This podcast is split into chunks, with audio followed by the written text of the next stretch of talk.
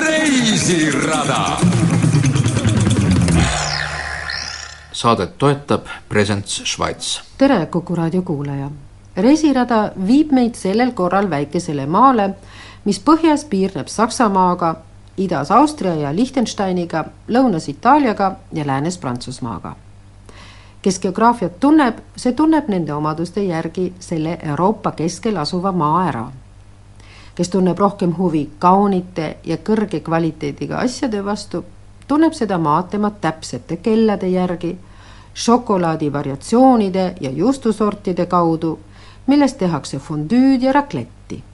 üle maailma kuulsad on ka selle maa noad, mitmeosalised Swiss Army Knives, millest suurim on ära märgitud ka Guinessi rekordite raamatus oma kaheksakümne seitsme tööriista ja saja neljakümne ühe funktsiooniga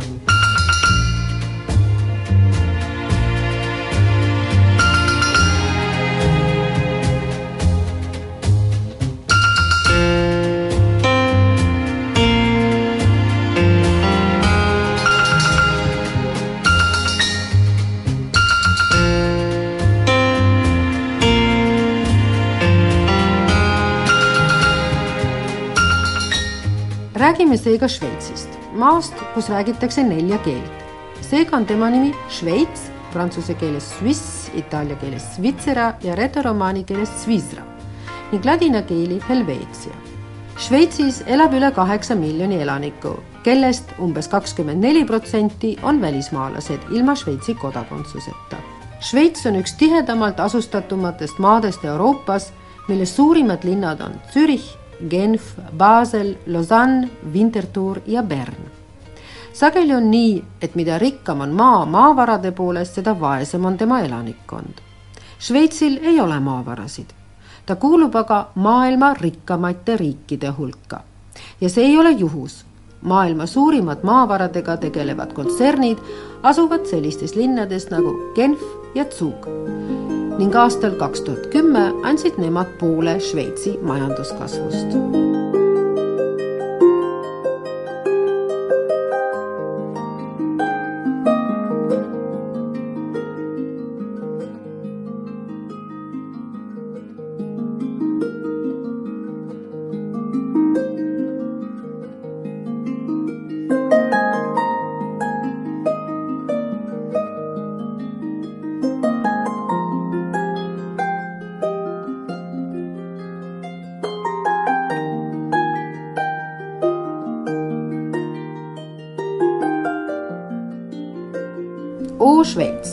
kaunis Alpide maa, kas ka Euroopa pimeduse süda, küsib Briti Independent ning Los Angeles Times uurib, kes vajab Šveitsi. naabrid austerlased lisavad ajalehes Courier oma nägemuse. omapärane saareke, kelle puhas maine hakkab probleemide kimbukese tõttu tuhmuma.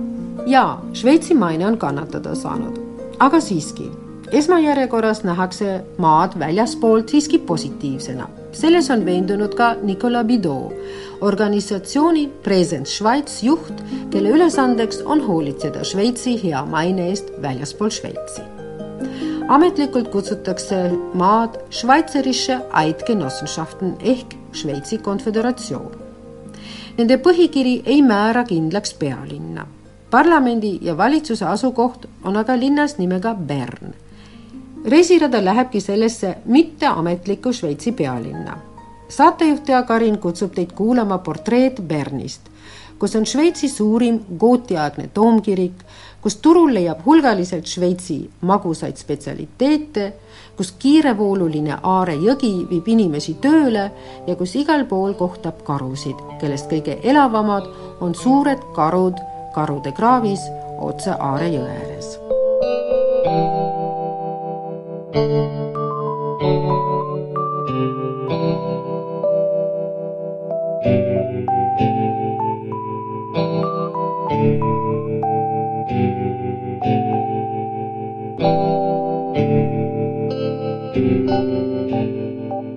kõigepealt läheme ühele Berni turgudest. Turupäevad on teisipäev ja laupäev. Nendel päevadel on Bundesplatsil nii juur- kui puuviljaturg ja mitmete kohalike ja võõramaiste käsitöölaudadega ääristatud pikk teelõik, mis viib välja parlamendini. ja kui Berni külalisel veab, siis tuleb ta just ühel nendest päevadest, sest Berni turud on kirjud, seal on palju kohalikku toodangut. Berni linnaaedade puuviljadest tehtud veine, hulgaliselt vürtsikaid ja kaua Šveitsi liivakeldrites ja juustukodades valminud juustusorte, eri aastaaegadel erinevaid valikud dekoratiivselt üles seotud puu- ja juurviljast. turuesisel väljakul võivad need, kes ostlemisest vähem huvitatud on, tõsta malenuppe või mängida halmat. enne väljakut on laud, millel hulgaliselt Šveitsi spetsialiteete. sealt astuvad läbi nii kohalikud kui igasuguseid eri keeli kõnelevad huvilised. neljakandiliste suurte piparkookide peal on valge suhkruglasuurist karudekoor ja ridade taga on end mõnusalt nende peale toetanud pruun, pehme ja karvane karu plüšist. magusate spetsialiteetide taga seisab Hans Rudolf Kinzig. tema ees kaks vaskset potti, millest ta suurt kulpi liigutab Põllele on tikitud nimi Le Caramelier. Also das ist französisch, es ist eigentlich nicht einmal ein Wort, das es gibt. Das gibt es gar nicht, habe ich erfunden. Ich mache Karamells. Oder? Und aus diesem Grund dachte ich mir, ja, ich will mal einen Namen geben. Caramelier tönt gut, oder? Ich mache auch die besten Karamells, also ich mache Niedlertäfeli. Das sind Sahne-Karamellen see tuleb prantsuse keelest, see on sõna, mida tegelikult ei ole. ma lihtsalt leiutasin selle, sest ma teen karamelle, on ju. ja ma mõtlesin, et ma pean tegevusele ka mingi nime andma ja Le Caramellier, see kõlab ju hästi. pealegi teen ma kõige paremaid karamelle, need on koorekaramellid, need valmivad kolmest koostisosast, koorest, suhkrust ja võist. ma ei lisa kunagi mingeid muid aineid, ma valmistan neid alati turul värskelt ja neid saab soojalt osta praegu muidugi pole hooaeg, on rahulik, aga talvel on neil väga hea minek. silma torkabki laual silepruunikas mõnesentimeetriline kiht, millele tõmmatakse spetsiaalse laia kahvliga jooni. Kocht, ausgeleert hier und dann wird das nach einer halben Stunde kann man das schneiden.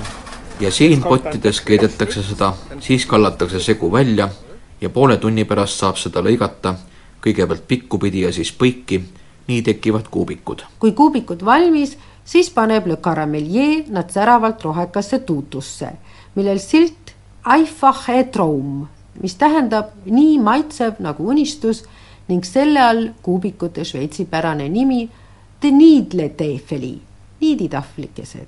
ja uhke on Le Caramellier selle üle, et laual valmivate suhkruste kuubikute loojaks on ta ise ning selle maiuse loomiseks oli ka oma põhjus. Das ist mein Rezept, von mir entwickelt, in drei Jahren entwickelt, immer äh, entwickelt, richtig. ja see on minu retsept. see võttis kolm aastat, kuni ma selle retsepti välja töötasin. meil on selline kõnekäänd, kui häda käes, siis sööb kurat ka kärbseid. teate, mida see vanasõna tähendab? nii olin ka mina hätta sattunud ja ma pidin midagi välja mõtlema ja nii see tekkiski. In der Not frisst der Teufel fliegen tänaseks on Le Caramellier turukogemus juba viiskümmend aastat pikk. kolmkümmend sellest ongi ta olnud Le Caramellier. Ich bin seit zweiundfünfzig Jahren bin ich immer selbstständig, ich war nie angestellt, immer selbstständig kokku olen ma iseseisvana töötanud viiskümmend kaks aastat, ma ei ole kunagi olnud palgatööl, alati iseseisev ettevõtja. kõigepealt alustasin Itaalias, seal müüsin kaks aastat turul juurvilja siis tulin Šveitsi ja alustasin siin turutööd. turutöö on aga ka hard business, ütleb Le Caramellier. aga kuidagi on ta alati oma sissetulekuga hakkama saanud. ainult usin tuleb olla ja loominguline. Ja, man muss vielleicht auch etwas extra sein, wissen Sie, nicht so 0815, ein bisschen jah, tuleb osata pakkuda ka midagi erilist, ei tohi olla nii-öelda Harju keskmine või nagu sakslased ütlevad, null kaheksa viisteist, ei tohi olla selline nagu kõik teised. tuleb midagi uut luua ja ideed tulevad äkki. ja kui nad õnnestuvad, on hästi, kui ei, siis tuleb välja mõelda midagi muud. kui kaua kujutab ta endale veel ette turgudel käia, uurin? kuni kokku kukun, ütleb Le Caramellier. bis ich zusammenbreche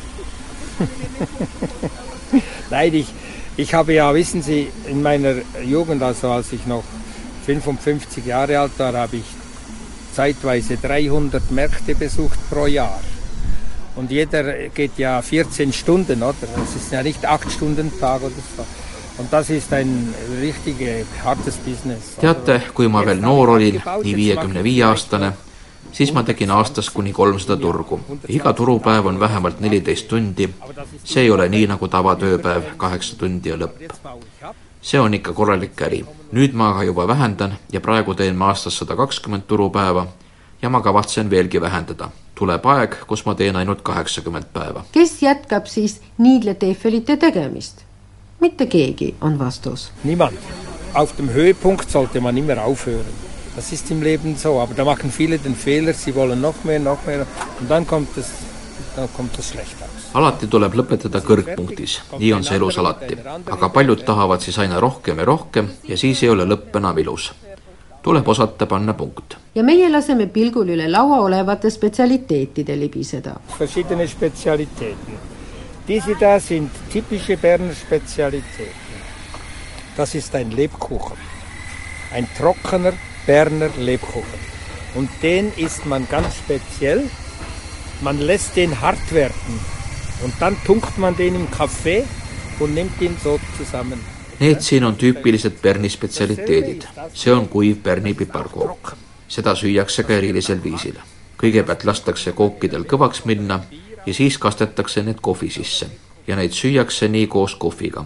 samamoodi on ka see kuiv kook, see on valge piparkook seda kastetakse piima või õlle sisse ja süüakse samuti nagu pruuni kooki. kilbili nimeline valge piparkook on Soloturni lütserni spetsialiteet, selgitab Le Caramelier.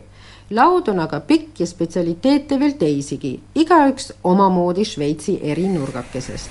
Und das hier, das ist gefüllt mit einer Mandelfüllung, das ist alles dasselbe. Oder das ist eine Ostschweizer Spezialität. Die kommt aus dem Appenzellerland. Das sind Appenzeller Biber, sogenannte Biber. Die schmecken sehr gut, sind nicht sehr süß, die normalen. Die runden, die sind dann extra gut gefüllt und die sind dann ein bisschen süßer. Wer nicht gerne so süß hat, nimmt das und der andere nimmt das süße. Need siin on täidetud piparkoogid, sees on mandlitäidis. Need maitsevad ka väga hästi, see spetsialiteet on pärit Ida-Šveitsist Appenzelli regioonist. Neid kutsutakse Appenzeller piiberiteks, need maitsevad hästi, aga pole liialt magusad.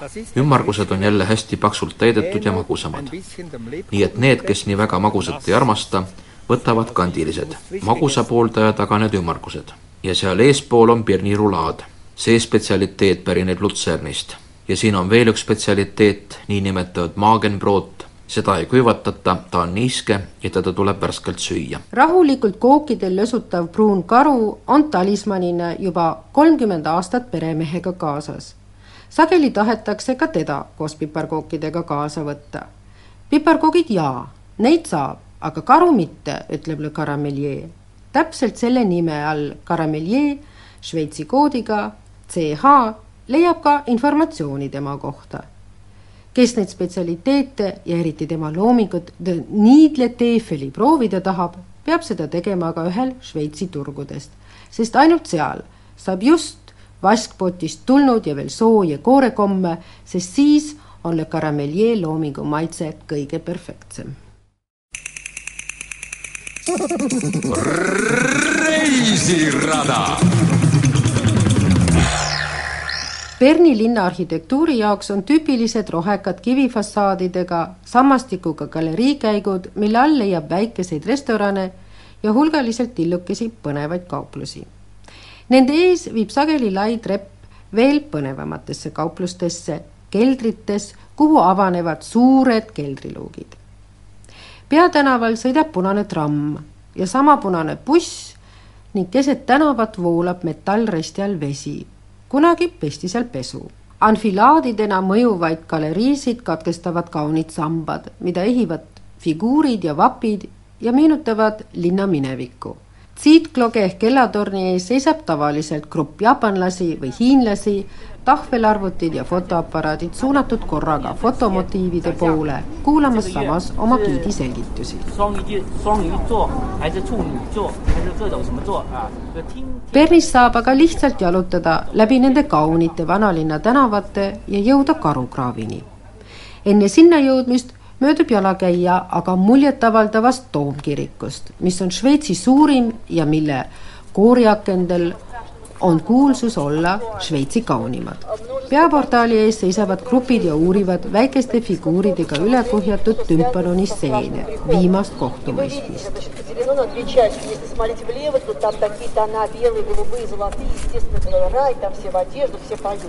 По правой стороне мы видим тона такие черные, красные, там уже все грешники обнаженные, они горят, значит, в этом аду, а посередине у нас золотая фигура Архангела Михаила, и в руках у него весы, seal kohtame me Marii-Thereesi. tema on toomkiriku uus tornivalvur, kes valvab selle üle, et kõik toimiks kirikus hästi ning kes viib läbi ka ekskursioone. Also das Berner Münster ist die größte spätgotische Kirche in der Schweiz. 1421 ist es angefangen Matthäus Ensinger und man hat, obwohl es fast 500 Jahre gegangen ist, bis das Münster fertig war, so wie es heute ist, hat man immer gotisch gebaut. Es ist natürlich so lange gegangen, weil in so einem Bau spiegelt sich die Geschichte von der ganzen Stadt Bern. Immer wenn es kein Geld hatten, wenn es Krieg oder Pestzeug hatte, hat man nicht weitergebaut und, hat, und dann hat es eben wieder Bauunterbrüche gegeben.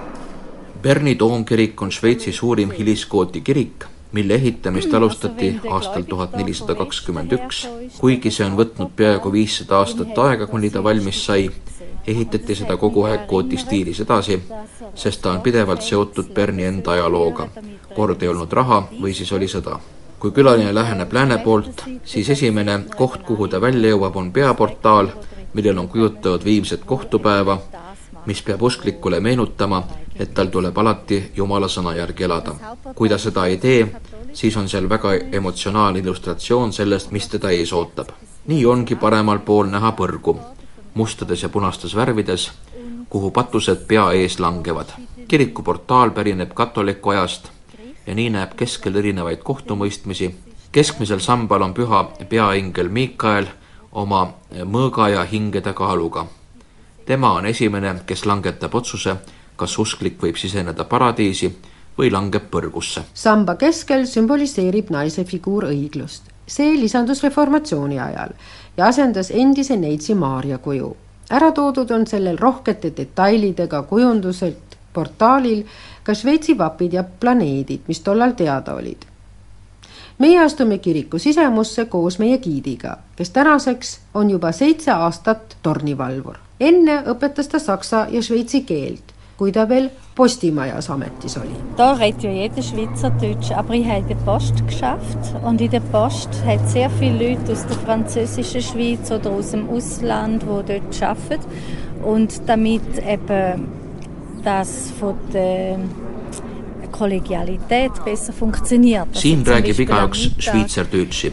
siis, kui ma veel Šveitsi postis töötasin, töötas seal palju inimesi ka prantsusekeelsest Šveitsist ja välismaalasi. ma korraldasin selleks, et õhkkond oleks kollegiaalsem, keelekursusi, näiteks kui ühiselt lõunapausile mindi, siis näiteks need, kes romaanikeelsetest osadest tulid, seda keelt ei mõistnud ja teistel tuli rääkida kõrgsaksa keelt. kõrgsaksa keel on meie jaoks aga võõrkeel ja et seda rääkida, peame me pingutama. nii pidid kõik kõigepealt põhireeglid selgeks õppima.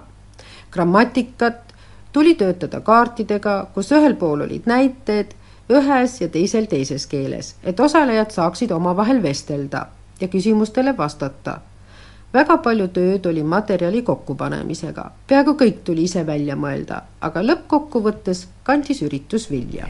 Aber ich habe nachher auch eine Klasse gehabt, wo die Schweizerdeutsche Prüfung in Freiburg gemacht haben und alle haben sehr gut bestanden. und bei dieser Prüfung hat man eben auch sehr viel über die Schweiz müssen wissen. Also man hat müssen die einzelnen Kantone kennen. kursuse lõpus oli Schweizerdeutsche eksam Freiburgis või Fribourgis kõik läbisid selle edukalt. seal tuli teada ka Šveitsi kantonite kohta. ja kuigi harjutatakse keelt parema suhtlemise huvides, siis tuleks õpetada ka, kuidas käituda kirikus, ütleb Marii-Therese ja räägib sellest, et sageli astuvad sisse turistide grupid, lärmavad, plõksutavad kaameraid või vajutavad telefonide ja tahvelarvutite märgistustele ja kaovad nii see ei peaks olema, leiab tornivalvur. Ei ole austust kiriku vastu ega isegi mitte kauni arhitektuuri imetlemist pikka aega on Den Oreli rõdul sisse seadnud kunstnikud, kes hakkavad harjutama õhtuseks orelikontserdiks ning panevad oreli kõlama.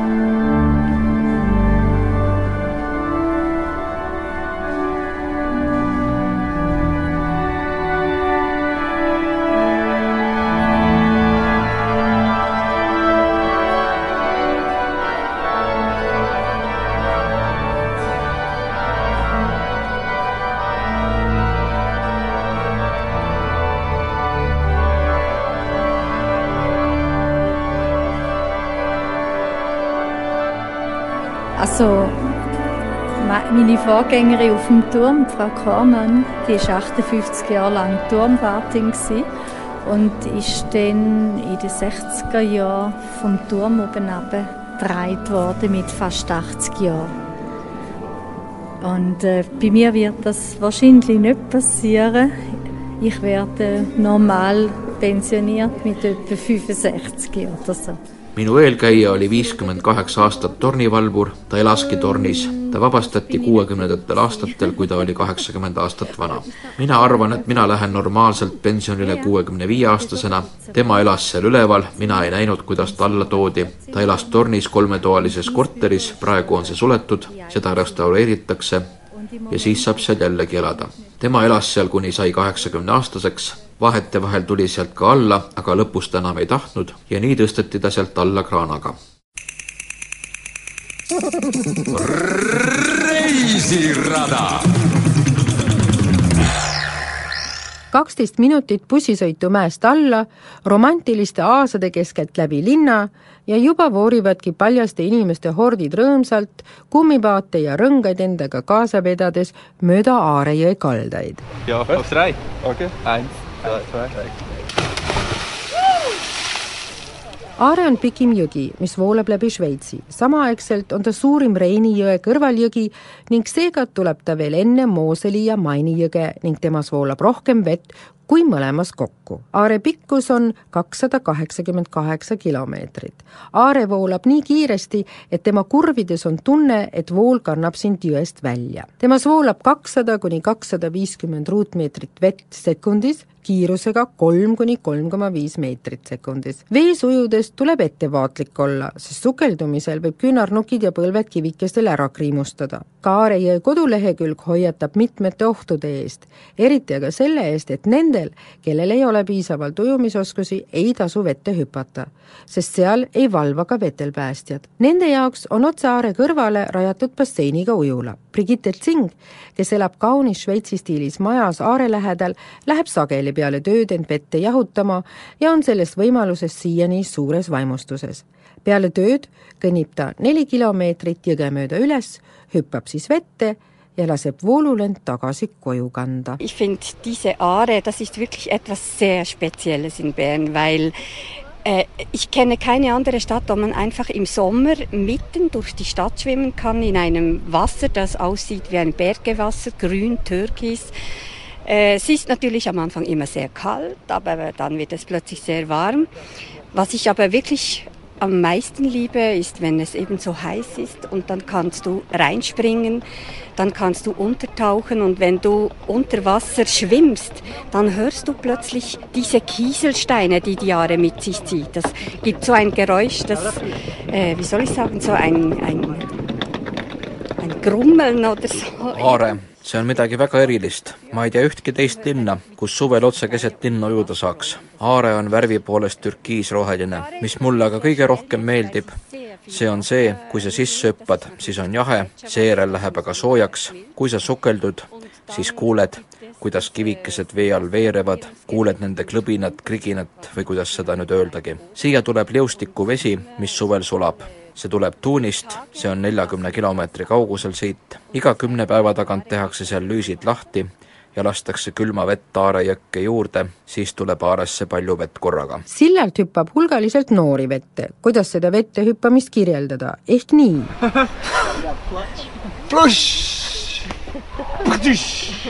Also Freiheitsgefühl. Und es gibt einen kurzen, kurzes Gefühl der Anspannung, des, Un, des Nichtwissens, der Un, Ungewissheit. see on lühike pinge, et hüppad teadmatusse, kirjeldavad nad sillal seistes ja hüppeks valmistudes. see on vabaduse tunne. ja nad püüavad minu hirmu selle kiirevoolulise jõe eest võtta, küll nad juba veest välja aitavad, arvavad nad, hajutavad nad minu hirmu, aga selgitavad ka siis, kuidas see käib oh. Wir helfen Ihnen raus. Nein, es hat überall alles Stangen, wo man sich halten kann. Es hat so Treppen überall. igal pool on torud ja trepid, kust jälle jõest välja saab. mõnedel inimestel on käes spetsiaalsed kotid, mille sees on riided. Nii mõnedki lähevad sedasi ka tööle, aga enamus käib ujumas siiski puhtast rõõmust. Nemad tulevad siia iga päev, siis tulevad jahedad mõtted, räägivad poisid ja viivad selle enne sissehüppamist seosesse Einsteini relatiivsusteooriaga. Oder Einstein hat ja da oben gearbeitet, wahrscheinlich hat er immer abgekühlt. Der war echt cool. Also, wir. Sonst hatte das ein Relativitätsproblem gegeben. Einstein töötas ju seal üleval, ta jahtus seal maha, ta oli täitsa cool. Tal olidki jahedad mõtted, muidu oleks veel relatiivsusprobleem tekkinud.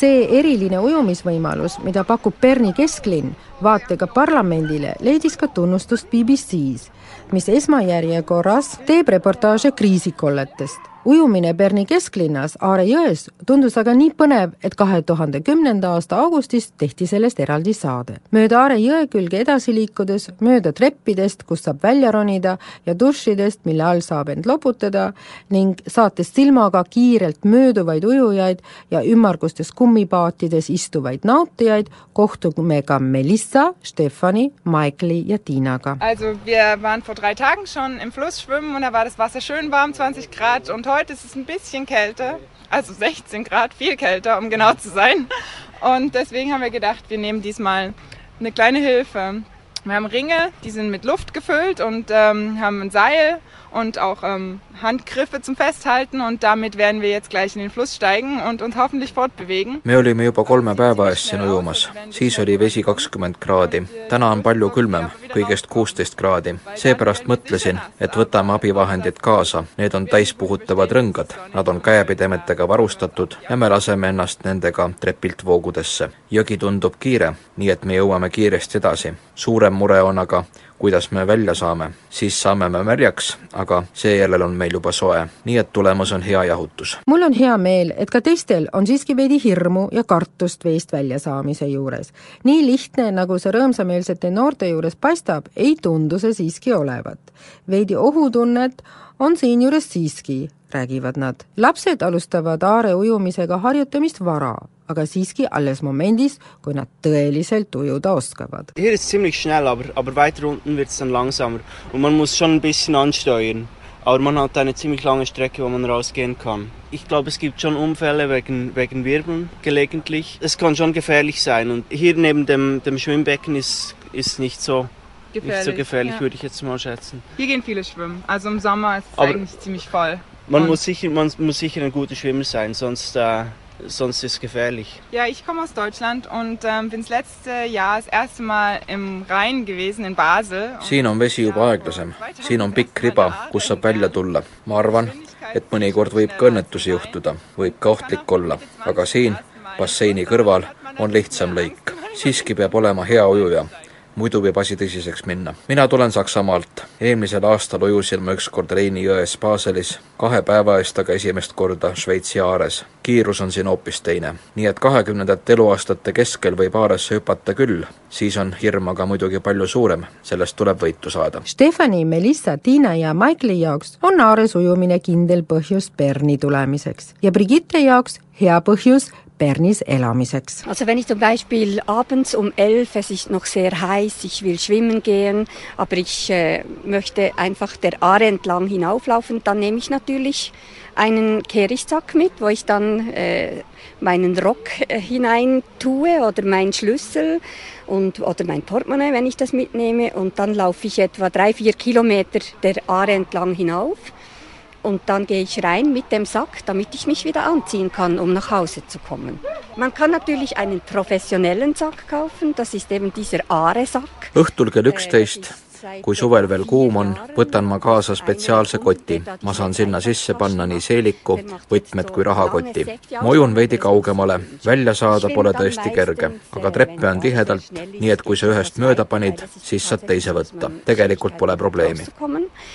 Und es gibt am Rand, wie das alle ja sagen, diese Geländer, Treppenstufen, wo man sich festhalten kann. Da muss man schon zum erst etwas gegen den Strom schwimmen und wenn man die erste verpasst, dann nimmt man halt die nächste zum Aussteigen. Das ist kein Problem. Sie ist die schönste, die wir je gesehen haben. ta on kõige ilusam kõigest, mida me eales näinud oleme. Nii formuleeris Johann Wolfgang von Goethe oma emotsiooni ühes kirjas oma sõbratarile Charlotte von Steinile aastal tuhat seitsesada seitsekümmend üheksa oma viibimise kohta Bernis ka täna võib seda julgelt väita. oma arkaadide ja väikeste hubaste kaupluste ridadega, restoranide ja keset tänavat jooksva veekanaliga on Bern võlu, armastusväärne ja üllatavalt kompleksne. Kahe tuhande neljateistkümnenda aasta juulis sadas Bernis mitu päeva ja Aare jões tõusis vesi tublisti. nii et ujumine selles oli keelatud. kui vaatasid vette ja nägid seal kiirelt veerlevaid ja allapoole kihutavaid puutüvesid, siis oli ka selge, millest selline hoiatus. linnas olid üles riputatud plakatid, milledel lohe haaras kinni ujuja jalast, näidates sellega, et vee all varitsevad ohud võivad olla eluohtlikud. Aare voolab tõesti nii kiiresti, et tekib kerge hirm, et vool kannab su kurvides välja. perlaste jaoks on Aare Šveitsi jõgedest kõige tähtsam tavaliselt voolab aares kakssada kuni kakssada viiskümmend kuupmeetrit vett sekundis ning see tähendab kiirust kolm kuni kolm koma viis meetrit sekundis. mõnikord voolab vesi ka aeglasemalt, siis tuleb aga ettevaatlik olla, et põlvi ja küünarnukke kivide vastu mitte ära lüüa. seega, kui olete Bernis, ärge olge üllatunud, kui keset linna kõnnivad teile vastu poolpaljad inimesed, kotikesed käes, milledega nad ka vette hüppavad et kiirelt jõuda parlamendi poole ja ühel treppidest püüda välja ronida, lasta end dušil värskendada ja siis, ülikond seljas, marssida juba kas büroosse või tutvuma linnaga. Kui julgete ise Aaret lähemalt tundma õppida, siis on see kindlasti elamus, mis jääb meelde. saate tehnilise külje eest vastutas Veiko Rebane. saatejuht Tea Karin soovib ilusaid reisielamusi suve lõpuks, päikest ja mõnusat muusikat.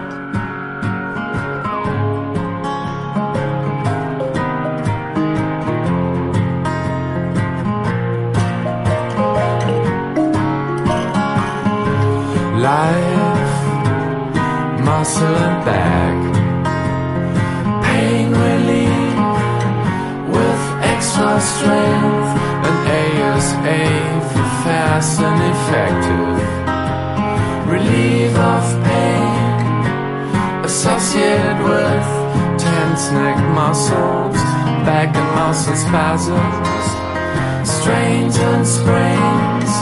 Eight caplets a day eight days a week, eight weeks a month,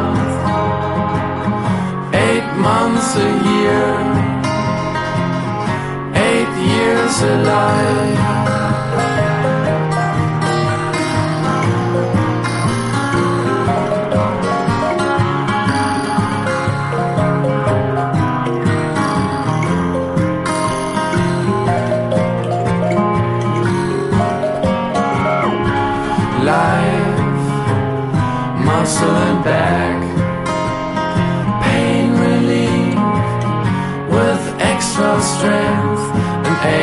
ASA for fast and effective relief of pain associated with tense neck muscles, back and muscle spasms, strains and sprains, eight caplets a day.